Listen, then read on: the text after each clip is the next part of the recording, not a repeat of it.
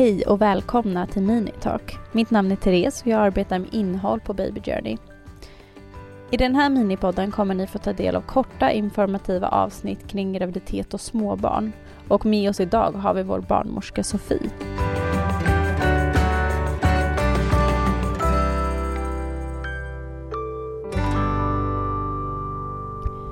Dagens avsnitt kommer att handla om smärtlindring vid förlossning. Vad finns det för olika smärtlindringar och behöver man alltid använda smärtlindring? Du som föder väljer helt om du vill ta smärtlindring eller inte. När man fortfarande befinner sig i hemmet kan det vara skönt med värme eller dusch. Det får man även på sjukhuset om man vill. Det kan vara svårt att bestämma innan vad man önskar för smärtlindring. Det kan vara, bra att ha läst på innan och rådfråga sin barnmorska under förlossningen. Det finns då de alternativ som kallas icke-medicinska. Där kan man använda sig av en tensapparat som är plattor som sätts på huden som skickar en svag ström.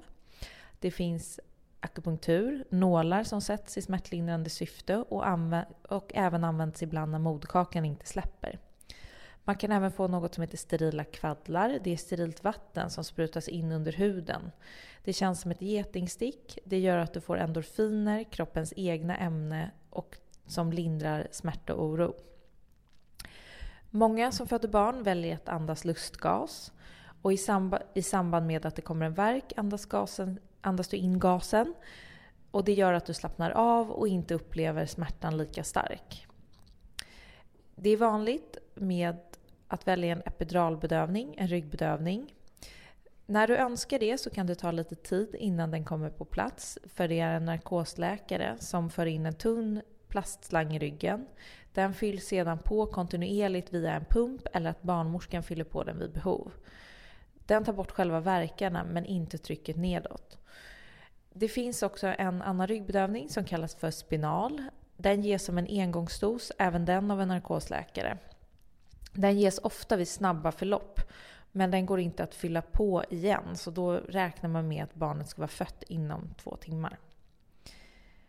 Det finns även något som heter bäckenbottenbedövning. Om man upplever trycket neråt som väldigt kraftfullt så lägger barnmorskan en bedövning i underlivet. Tack så mycket. Tack för att du har valt att lyssna på Minitalk med oss.